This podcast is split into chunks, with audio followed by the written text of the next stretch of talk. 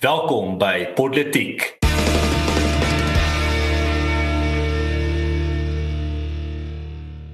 As dit nou kom by politiek het ons twee nuwe aanbieders wat ek vandag aan julle wil voorstel voor ons vandag die stories begin ontnonsens.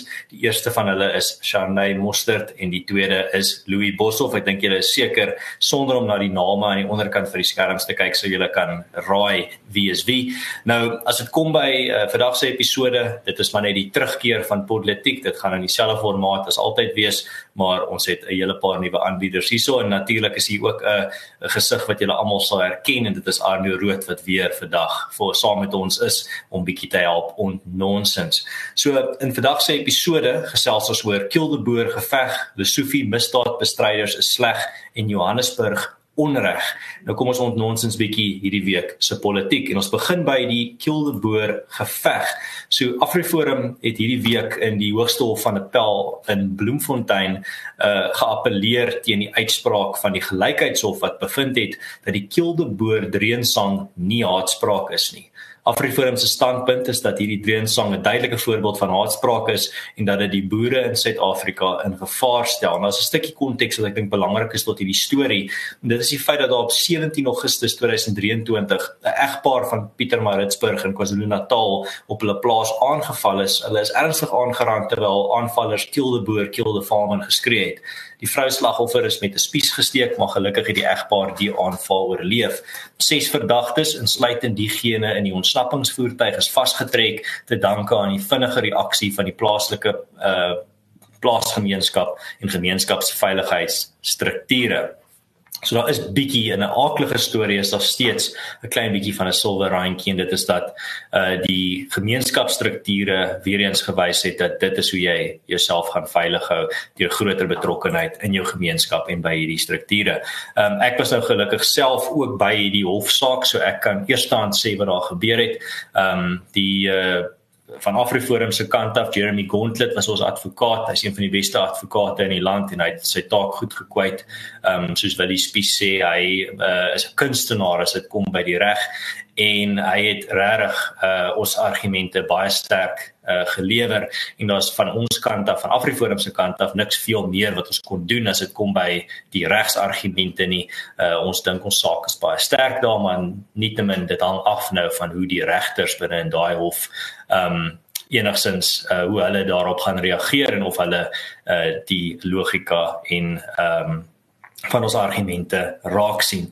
Ehm um, daar's uitsprake is voorbehou, so ons het geen idee wanneer die uitspraak gelewer gaan word nie. Kan volgende week wees, kan in 'n maand wees, kan volgende jaar wees, kan voor die verkiesing wees, kan na die verkiesing wees. Ons het geen idee nie. Ehm um, die uh Hoogste Hof van Appel is nogal strategies met sy tydsberekening as dit by hierdie tipe uitsprake kom. So sommer sien uh wanneer dit gelewer word, maar daar is iets wat seker is in hierdie saak en dit is die feit dat dit gaan na die grondwetlike in die grondwet na die grondwetlike hof toe gaan maak saak wat die uitspraak is in die appelhof nie aangesien as die EFF wen, gaan Afriforum beslis die saak na die grondwetlike hof toe vat en as Afriforum wen, gaan die EFF natuurlik hierdie saak na die grondwetlike hof toe vat. So dit gaan die finale rusplek wees van uh hierdie saak spesifiek in Suid-Afrika. Ehm um, maar ons sal nog sien of daar 'n buitelandse komponent is as die grondwetlike hof uh aan die EFF se kant sou uh uh sou uitkom. Ehm uh, maar ja, dit is die uh inleiding vir vandag se storie en ek hoor graag wat wat julle dink. Ja, ek dink dit is Dit maak my opgewonde vir die feit dat hierdie ding aangehoor is. Hierdie hierdie saak hang nou al so lank oor die publieke gesprek se nekke eintlik. Ehm um, dit is iets wat as jy op sosiale media is, veral Twitter, gereeld in in die algemene diskurs daarso ge, gelig word en uiteindelik is ons in 'n posisie waar die argumente regtig ontbloot word. En uh, ek moet definitief sê Jeremy Gauntlet, ek al my hoed af vir hom. Hy het homself van 'n uitstekende taak gekwyt. Ehm um, dalk net so 'n bietjie verdere konteks. Hy's ook die advokaat wat op ander groot sake soos die Zimbabwe boere saak ehm um, uh, handjie bysit. So werklik waar 'n bekwame ou word wyd geag as een van van die beste advokate in die land soos soos Ernst ook uitge uitgewys het en en ek dink oor die algemeen die span het baie goed gedoen. Ek wil self my hoed ook afval vir advokaat Oppenheimer wat ek dink 'n uh, 'n uh, 'n uh, baie akkurate um op die punt af argument as amicus um bygedra het tot hierdie argument um en tot tot die debatsgesprek wat daar gevoer was in die hof.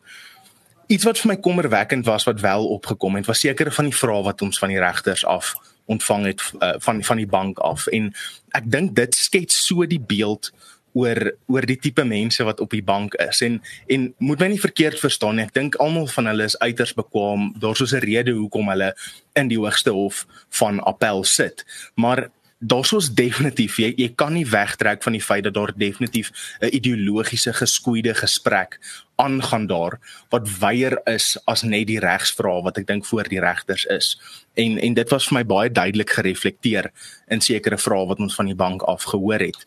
Ehm um, iets wat ek ook graag sou wil uitlig en en erns kan dalk meer hieroor uitbrei, maar is ook die feit dat die belangrikheid om hierdie ding gehoor te kry is nie alles onderhewig aan om dit te wen nie. Ons het genoem dat ons uh, verseker beplan om konstitusionele hof toe te gaan met hierdie ding wat ook al die die uit uitspraak is op die ou einde. Maar ek wil ek wil hierson nogal iets net oor 'n breër strategie in terme van van regsgeding noem dat partykeer is dit ook die moeite werd om sake te voer wat verlore gaan word.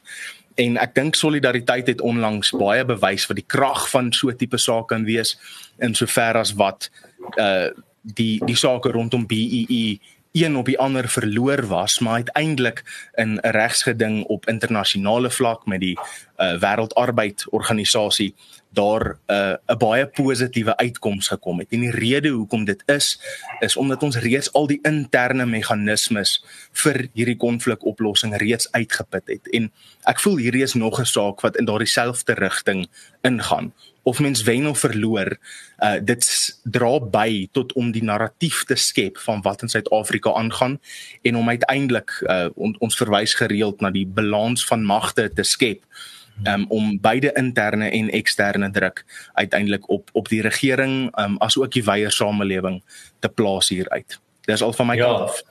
Ja, en daai balans van van magte wat jy daarso van praat, daai ANC tak of die ANC lens is baie belangrik om in ag te neem is dat jy moet in daai balans van magte moet jy 'n gewig wees. Jy moet kan 'n uh, uh, invloed daarso hê.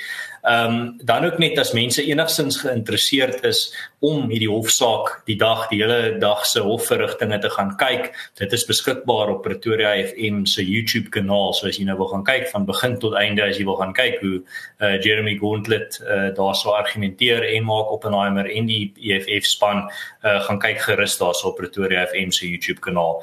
Dit is uh, daarso beskikbaar. Ek sien nou Arno jy het 'n vinnige ding wat jy daarso wil bylas. Ja, ek ek wil eintlik net aanlas op die laaste punt daar erns dat ek wil regtig elke ehm um, iemand as jy belangstel in politiek, maar veral as jy 'n regstudent is op die oomblik, gaan kyk die argumentering daar. Dit is 'n geleentheid wat min mense kry om om advokate van daardie uh, kaliber en van sulke hoë standaard hmm. teen mekaar te sien geding, ehm um, veral in die hoogste hof van appel. Dis regtig 'n voorreg om om dit te kan kyk. So as jy uh, besig is om regte te swat, as jy 'n uh, belangstelling in die politiek het en hou van debatteer, hierdie is 'n uh, soos wat die Engelsers sal sê 'n masterclass om te kan bywoon om dit te sien. So ek raai dit regtig aan gaan kyk op uh, Pretoria FM se webtuiste daarvoor. Hmm. Ek sluk uh, baie sterk aanraai dat uh, presies dieselfde. Ehm um, ek wil net gee so vir Louis terug inlaat. Uh, ek dink daar's 'n bietjie uh, internetprobleme daar aan sy kant. Dalk terwyl terwyl ons uh, ek sien hier so uh, Louis besig om weer terug aan te sluit, terwyl ons dalk vir hom wag om aan te sluit. Ehm um, ek wil net daar bylas oor die oor die hofsaak nog 'n laaste stukkie besonderhede wat ek dink belangrik is. En dit is die feit dat as jy kyk na die die strategie wat Afriforum volg in die uh, in hierdie saak is dit nie 'n uh, daar's nie net 'n eksklusiewe uh uh howe strategie nie daar's ook 'n praktiese strategie van as die howe indien die howe nie uh aan ons kant besluit nie dan het jy jou hoofstrategie en jou hoofstrategie is om plase te beveilig deur uh byvoorbeeld um plaaswagte en om uh, uh buurtwagte te lei en om boere op te lei en en, en te verskaf met radio's en enigiets wat hulle sou nodig hê om hulle self te beveilig en beter georganiseer te word. So dit is die tweede been van ons strategie. Dit is nie net uh, alles uh, gaan nou maar afhang van wat in die hof gebeur nie. Dit is belangrik, maar daar is tog ook 'n op die grond strategie wat ek sal sê Afriforum se hoofstrategie is eerder as dat die die geveg in die howe tog belangrik is, maar nie ons hoofstrategie is nie. Ja, ernstig, ek dink dis dis so belangrik om daai uit te wys en dis iets wat ons gereeld oor praat op op hierdie op hierdie pot gooi is die feit dat daar so is verskillende speke in hierdie een wiel. Ons is in hierdie rigting in hierdie uiteindelike strategiese posisie wat ons wil skep, maar daar's baie elemente wat deel vorm om ons daar te kry. En net soos wat die hofgeding en en die regstryd wat ons het daar baie belangrik is, net soos die gemeenskapsdiens en gemeenskapsaksie en selfstandigheid belangrik. En en ek weet ek en jy het al so 'n bietjie op op hierdie enetjie gestry, maar net so is om politiek deel te neem ook belangrik om te registreer om te stem, om te stem. Hierdie al al hierdie elemente dra by om die uiteindelike narratief te skep van waarheen hierdie land op pad is. Elkeen van hierdie elemente op eie reg is belangrik om hierdie wiel vorentoe te dryf. Um en Kies Arno jou jy's gemute nou daarso. Ek weet nie of jy knop daar sê. Of jy 'n knoppie gedruk het wat hom gemute het nie. Kyk dalk net gou daar. ja, dis my baie belangrik. Dis vir my baie belangrik dat ons die algehele strategie verstaan dat daar is verskillende speke aan hierdie wiel en ons as mense moet hom moet elkeen van hierdie speke sterk maak om dit uiteindelik vorentoe te dryf en by ons uiteindelike um wegvalspunt of hier strategiese ideaal uit te kom. En so gemeenskapsdiens is baie belangrik. Um hierdie regsgedinge en en regstryd wat gevoer word, speel 'n groot rol daarin. Maar net so is dit belangrik om ook polities deel te neem, om te registreer om te stem, om te stem en en so hierdie speke sterk te maak sodat die wiel kan vorentoe dryf. Uh, hmm. Ja, ek hoop uh, hoop ek het myself nie net te veel herhaal nie. nee wat. Uh Louis uh, spring jy sommer daarin. Ek sal dan na jou uh, oorslaan na die volgende storie toe.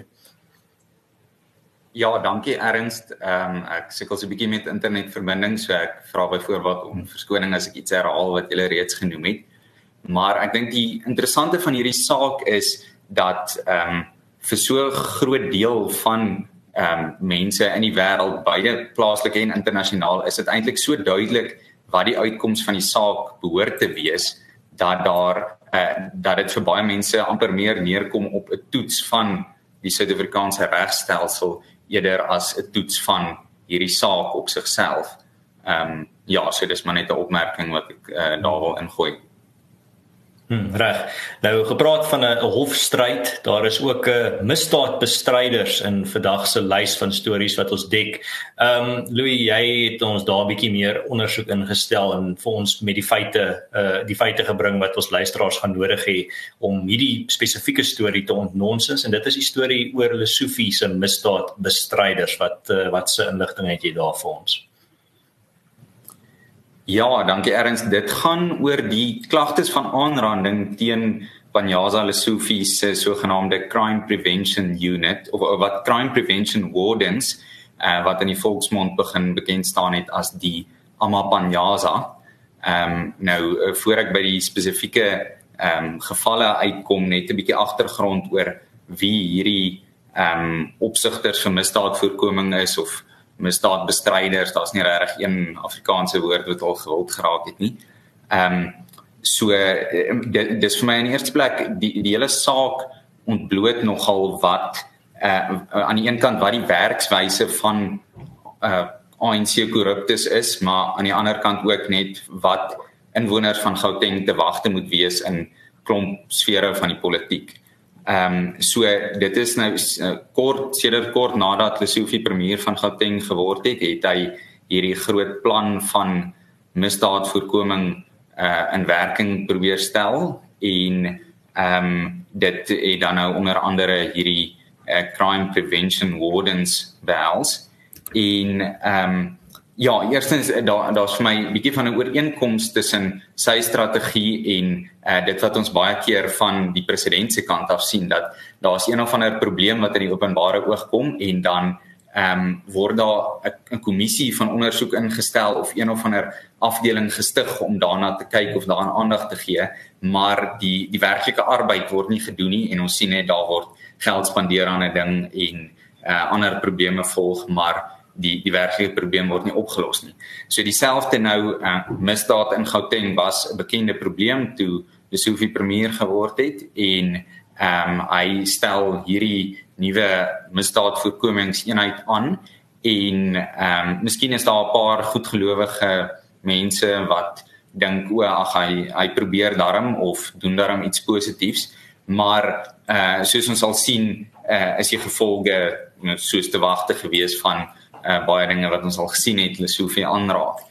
Ehm um, so die misdaadvoorkomingseenheid word gestig en uh dit daar tans al omtrent 6000 lede aangestel met uh mooi bruin uniforms wat uh byna lyk soos hulle lede van die weermag kan wees en ehm um, hulle uh, die die Gautengse departement van gemeenskapsveiligheid se begroting is in die jaar met omtrent 1.5 miljard rand verhoog uh grootliks om die eenheid te finansier. Ehm um, en uh, as ons dan nou 'n vergelyking kan tref uh, tussen hierdie eenheid en die uh, polisie mag of die bestaande polisie mag uh, dan sien ons goed die die motief kan dalk uh, beskryf word as edel daar uh, die die polisie uh, funksioneer nie behoorlik nie en is nie in staat om misdaad suksesvol te beveg soos sake tans staan nie en nou word 'n uh, bykomende eenheid gestig om die polisie te ondersteun of 'n gedeelte van die polisie se rol te vervul. Ehm um, maar as 'n mens net 'n oombliekie gaan dink en wat uh dit daai eenheid nou moet vergelyk met die polisie diens, dan sien ons daar's eintlik geen rede waarom die die huidige probleme wat in die polisie geld, die disfunksionaliteit wat daar geld, hoekom dit nie van toepassing sal wees op hierdie nuwe eenheid van Lesofie nie. So uh eintlik geld al dieselfde probleme, maar dan staan nog 'n paar bykomende probleme met hierdie eenheid. Ehm um, eerstens uh, die die afwesigheid van 'n openbare waghond soos uh, soos Oopot oor die polisie wat glad nie bestaan by hierdie eenheid nie uh die die feit dat daar swakker en minder opleiding vir hierdie lede is en ehm um, ook die feit dat die die begroting en die bestuur van hierdie eenheid so bietjie meer uit die openbare oog is so daar's baie ehm um, meer geleentheid om geld te verduister of om ja vir wanbestuur om plaas te vind. En dan uh, laastens ook net die die onkunde van die publiek teenoor hierdie eenheid dat ehm um, is uh, ons min of meer 'n idee het as ek 'n polisieman sien langs die pad as ek 'n lid van die verkeerspolisie sien weet ek wie dit is uh, wat die persoon se regte teenoor my is en wat my regte teenoor die persoon is terwyl hierdie eenheid ehm um, min mense hoor selfs daarvan jy gaan net iewers 'n persoon met 'n bruin uniform sien wat ehm um, lyk asof hy dalk gesag oor jou kan hê en nie regtig weet hoe om te reageer daarop nie, nie weet uh, wat om te doen as hy reg optree, wat om te doen as hy verkeerd optree nie. Ehm um, so ja, dit net 'n bietjie agtergrond van die eenheid en dan nou het daar deur die loop van die jaar eintlik verskeie dinge ehm um, gevalle van magsmisbruik uh, en ja onregmatige optrede deur hierdie eenheid gewees en uh, het dit so stuk stuk aan die lig gekom. Ehm um, en as ek na een spesifieke voorval kan verwys wat uh, uh eintlik regtig die die ironie van die hele bestaan van hierdie eenheid ontbloot. Ehm um, is dit 'n geval van 'n uh, 'n inwoner van Katlehong wat se 'n uh, huis deursoek is deur lede van die eenheid. Ehm um, nou oor die skuld of die onskuld van die persoon uh, in sy huis uh, kan ek nou nie uitspreek nie, maar die die optrede van die uh lede van die eenheid is is net tekenend van uh die die hele aard daarvan. Ehm um, so hier's die persoon by sy huis en daar daag omtrent 15 mense in bruin uniforms op om die plek te deursoek. Hy geen idee wie hulle is nie. Uh laat hulle maar eers gaan.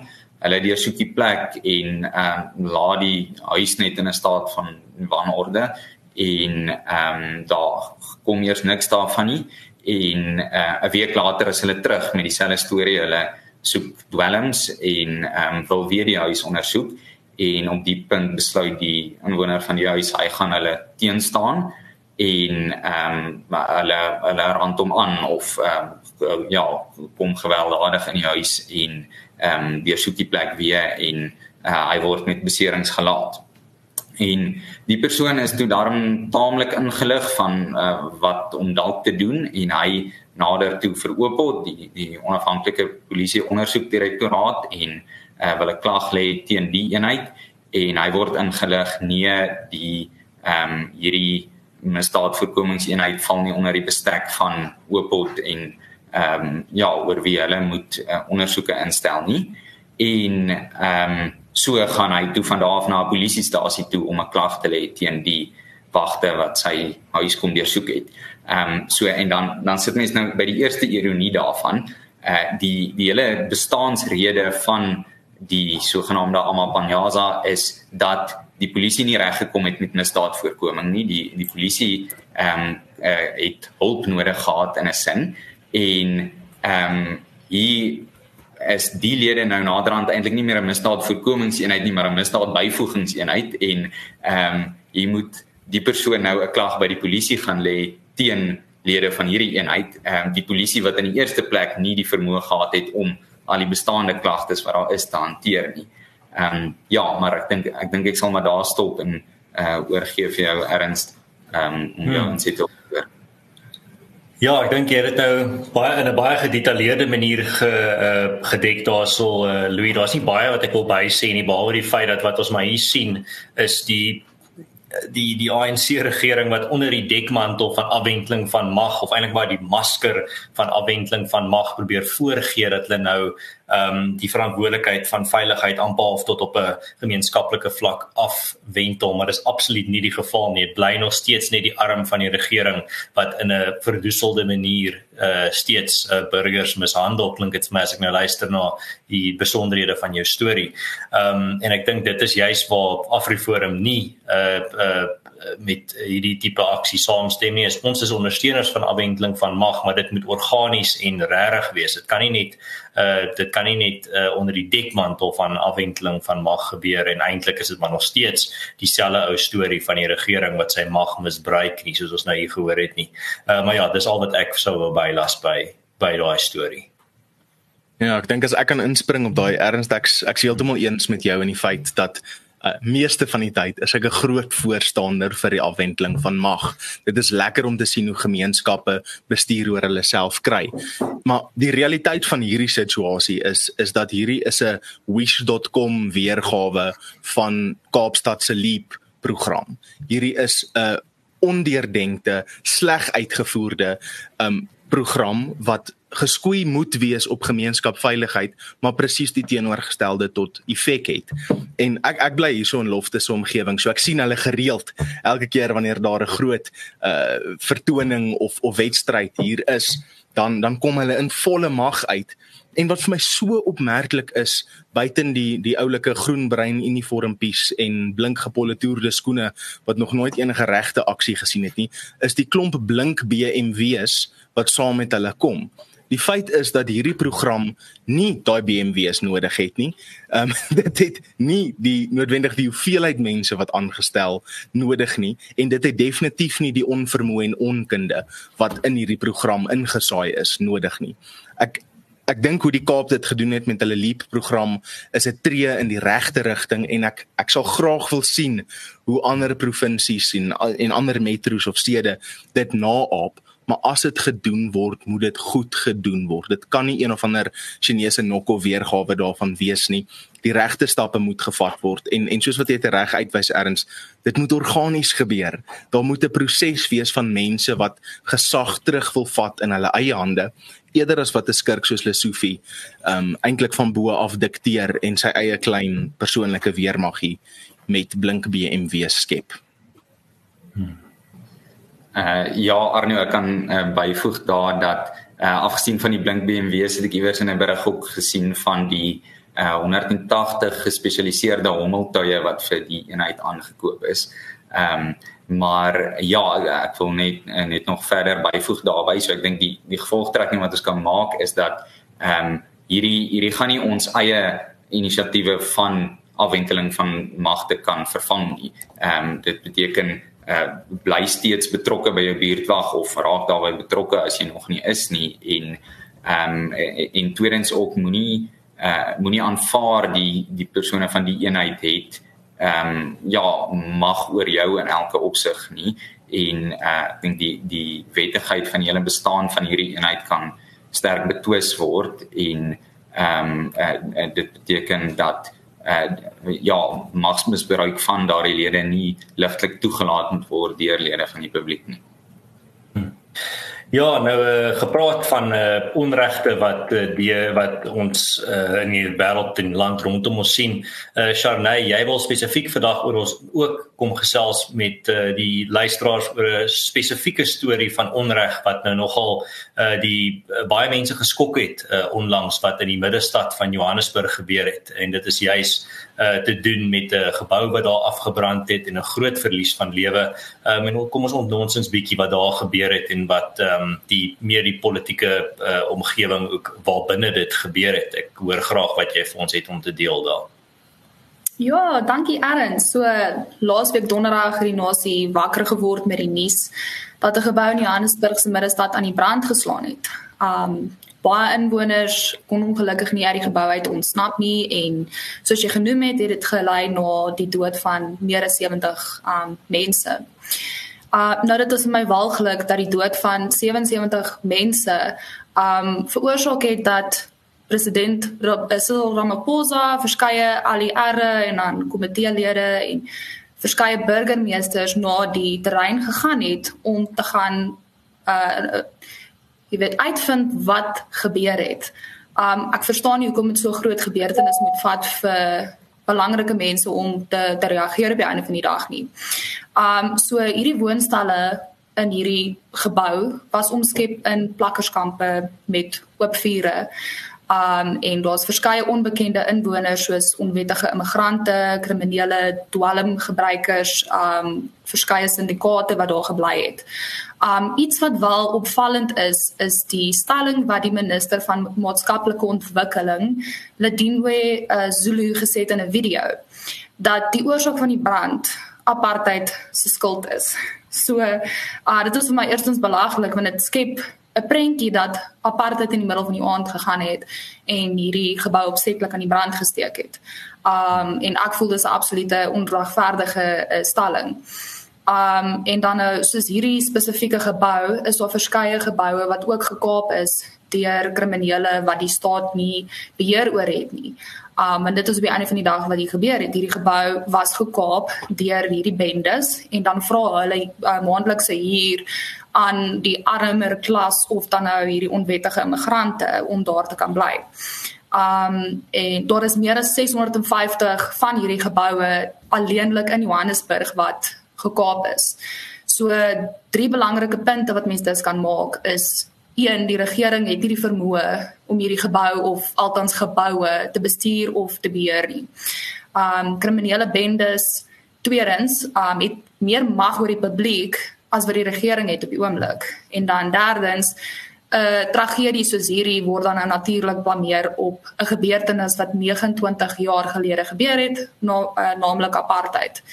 Um iets interessant wat ek wil byvoeg is dat die dat dit moontlik is vir hierdie geboue om gekaap te wees in die eerste plek.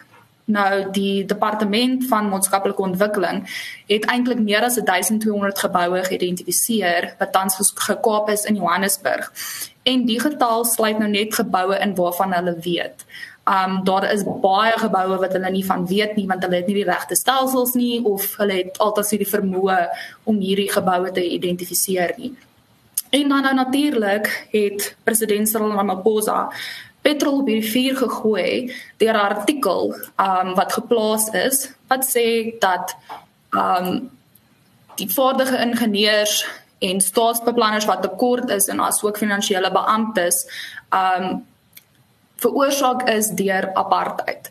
Um dit is die nagevolg van apartheid en dit is hoe apartheid die land en die land se toekoms beroof het en ek wil graag daarmee afsluit dat hierdie gebeurtenis blameer word op apartheid en dis altewaar net die regering se onvermoë om hierdie geboue te te bestuur en ja, dit dit is hmm. absoluut kommerwekkend vir my. Ja. Hier dit is dis vir my baie uh dit staan vir my baie duidelik uit dat wanneer die ANC nie 'n antwoord op 'n probleem het nie, dan val hulle baie terug op allerlei verskonings. As dit nie apartheid is nie, is dit Jan van Riebeeck. Is nie van Jan van Riebeeck is nie, dan is dit 'n uh, white monopoly capital wat ook al jy dit wil noem. Maar sodra hulle hierdie gonswoorde begin gebruik, dan moet jy weet dit is wanneer 'n party nie 'n antwoord het nie. Hulle kom nie enigsins met enige idees na vore en sê hierdie is hoe ons die probleem gaan oplos of verseker dat dit nooit gebeur nie. Hulle kom net met 'n mandjie vol verskonings. Ehm um, ek bly het nou genoem hoeveel gekaapte geboue daar is Shanay want dis 'n dis juis spreek van die groter probleem is dat as die regering nie nou na vore kom met 'n 'n 'n 'n oplossing wat sal verhoed dat dit weer gebeur nie, gaan ons weer so 'n tragedie iewers in die toekoms ehm um, moet aanskou en dit is iets wat niemand wil hê nie. So as dit kom by die groter politieke omgewing waarbinne dit gebeur, is dit om dit is 'n omgewing van staatsverval en dit is 'n regering agter 'n omgewing van die mislukking van sentralisme. Nou ons luisteraars nou al baie daai gehoor oor die mislukkings van sentralisme, maar weer eens sentralisme is hierdie idee dat alle mag moet net in die hande van die regering geplaas word. Hulle moet beheer wees oor alles en dan moet die vraag gevra word nou, alright, as die regering al daai mag het, wat gebeur die dag waar daai regering onbevoeg word of korrup is? Dan het hy al die mag, maar hy kan nie basiese goed doen soos uh verseker dat geboue in die middestad van Johannesburg nie net afbrand of gekaap word nie. En ek dink juist dis waar ek sal wil afsluit met my insette hier en dit is dat die mislukking van sentralisme beteken nie dat dit is nou uh, verdoemend is die einde van van die wêreld nie. Beteken daar net alternatiewe na vore kom binne in daai uit daai mislukking uit. En die enigste alternatief wat regtig realisties is en beproef is is die afwendeling van mag na gemeenskappe toe. Veral soos wat ons nou met die vorige storie oor gepraat het organiese afwendeling van mag uh, uh, wat sekuriteit en veiligheid betref en wet en orde betref. En dit is dat uh, diegene wat wil en kan hulle orga, hulle gemeenskap organiseer om misdadigheid en wetloosheid aan te vat, moet daardie ruimte gegee word. En as die regering nie vir daai ruimte gaan gee nie, gaan die regering se eie verval daardie ruimte in elk geval vir hulle gee om dit te doen. Alles binne die uh, raamwerk en binne die grense van die wet uh, natuurlik. Uh, ja, ernst, uh, ek wil daarbey byvoeg en, en, en miskien net die, die saak bietjie uit 'n ander hoek uit bekyk, uh, maar rakende die minister en die president se opmerking oor uh, apartheid se skuld. Ehm um, uh, in uh, eintlik met die verkiesingsjaar van volgende jaar in die agterkop kan mens maar net sien dat die ANC in 30 jaar of meer se tyd uh, geen alternatiewe stemwerwingsstrategie kon bedink as net ehm um, stem teen apartheid nie.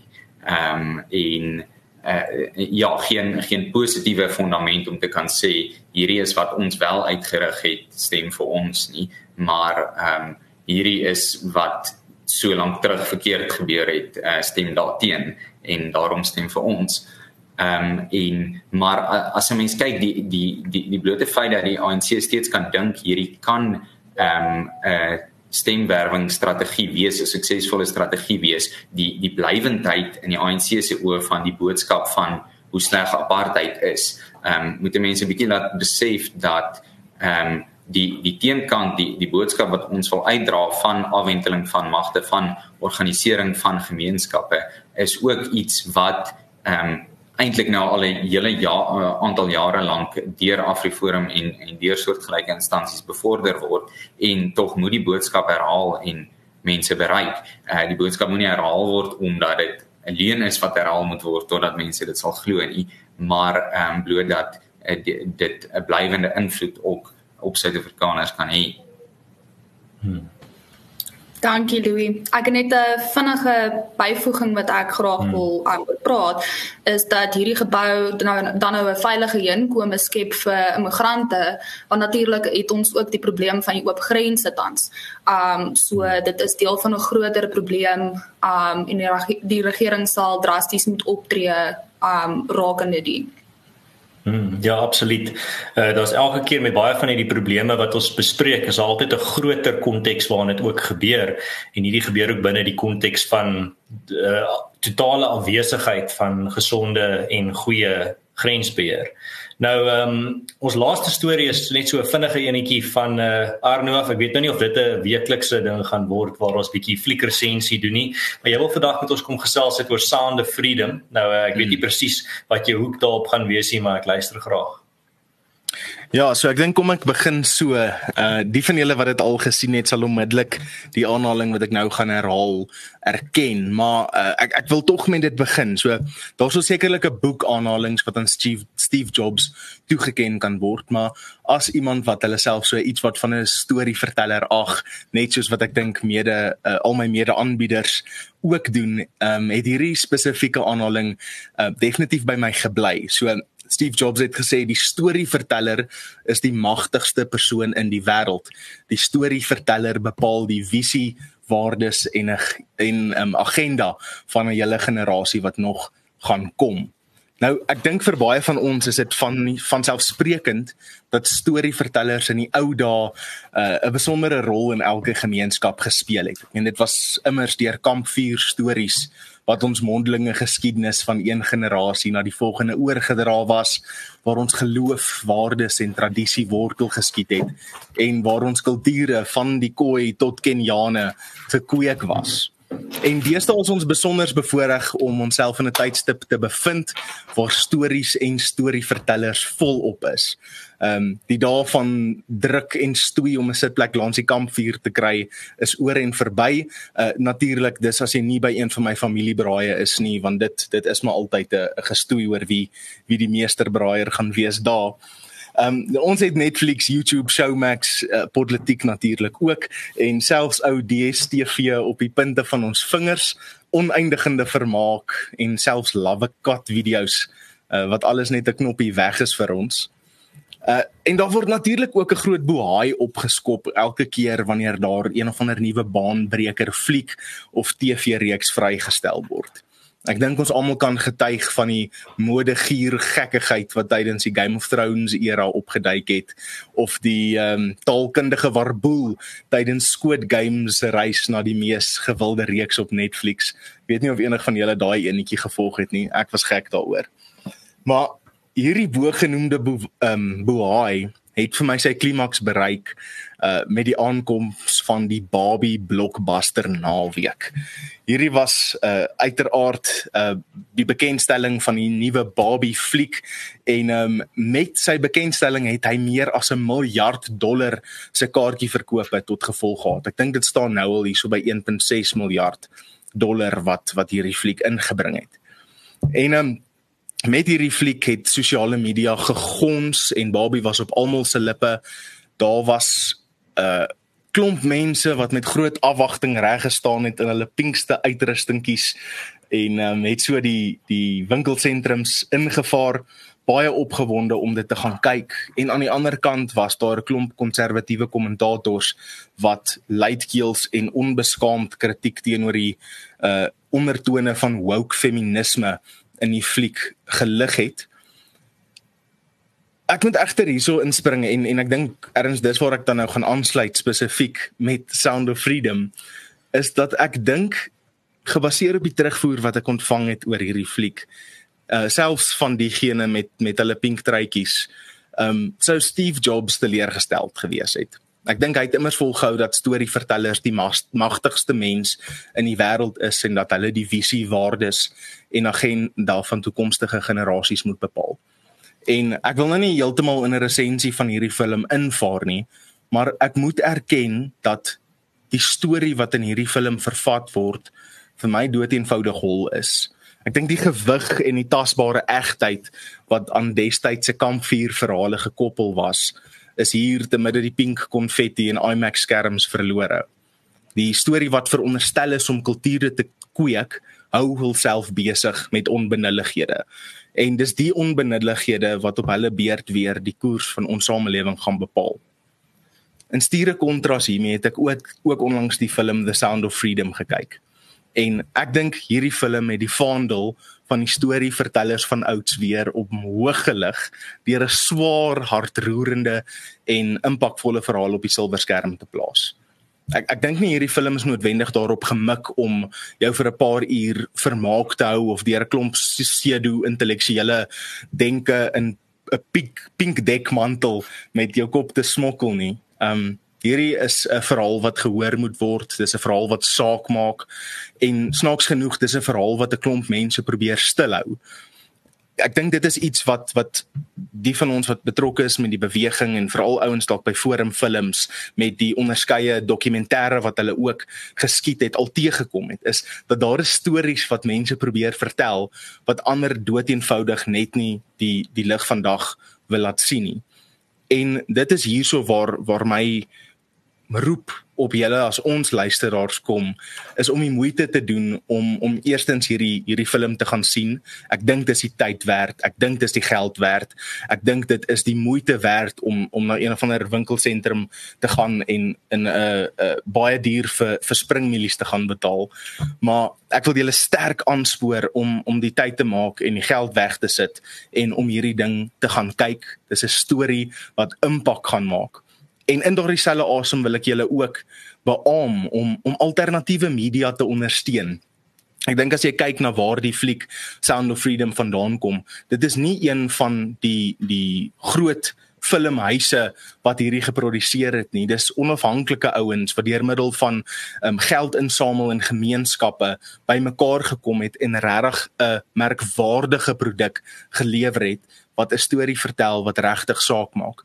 En net so glo ek dat ons wat in die alternatiewe media spasie is, het sy dit met 'n pot gooi of iets soos AfriForum TV of uh ernst met sy onderskeie YouTube kanale is dat dat julle julle ondersteuning daar agter sit want ons is nie onderhewig tot iemand anders se chequeboek om seker te maak dat ons hulle lyne vertel nie ons is vry om die storie te vertel soos wat ons dit sien en ons is vry om julle dit te laat hoor uh wanneer dit eintlik saak maak. Uh so ondersteun ons waar ons kan en ondersteun Sound of Freedom die eerste kans wat julle kry. Hmm. Wel Arno baie dankie vir daai gedetailleerde resensie. Ek dink ons moet dalk 'n resensie deel nou en dan uh, doen hierso op 'n film of 'n liedjie of eh, 'n uh, boek selfs. Ek sien hierso PJ van der Walt het gevra as jy net 'n bietjie vroeg nie. Ja, inderdaad, uh, politiek gaan nou skuif van uh, 4 uur tot 05:30 in daai tydskleef in. Dit was altyd van 5 tot 06:30. Ehm um, en reg, dit bring ons nou tot by die einde van ons episode. Ehm um, soos uh, al die debatte oor of Oppenheimer of 'n uh, Barbie meer geld gaan die meeste geld tussen die twee gaan maak as hierdie episode ook vir nou eers verby. Baie dankie dat julle ingeskakel het en as julle wil saam met ons ontnonsens uh, as gelosgelis julle kommentare in die kommentaarafdeling en deel ook hierdie episode met vriende en familie. Politiek is beskikbaar op enige plek waar jy potsendings luister, gaan loer gerus daarso en soek vir politiek en dan sien ons julle weer volgende week uh selfde tyd, nou in die nuwe tyd en uh dit gaan Woensdag volgende week wees tussen 4 en 05:30. Totsiens, mooi loop en lekker middag vir julle.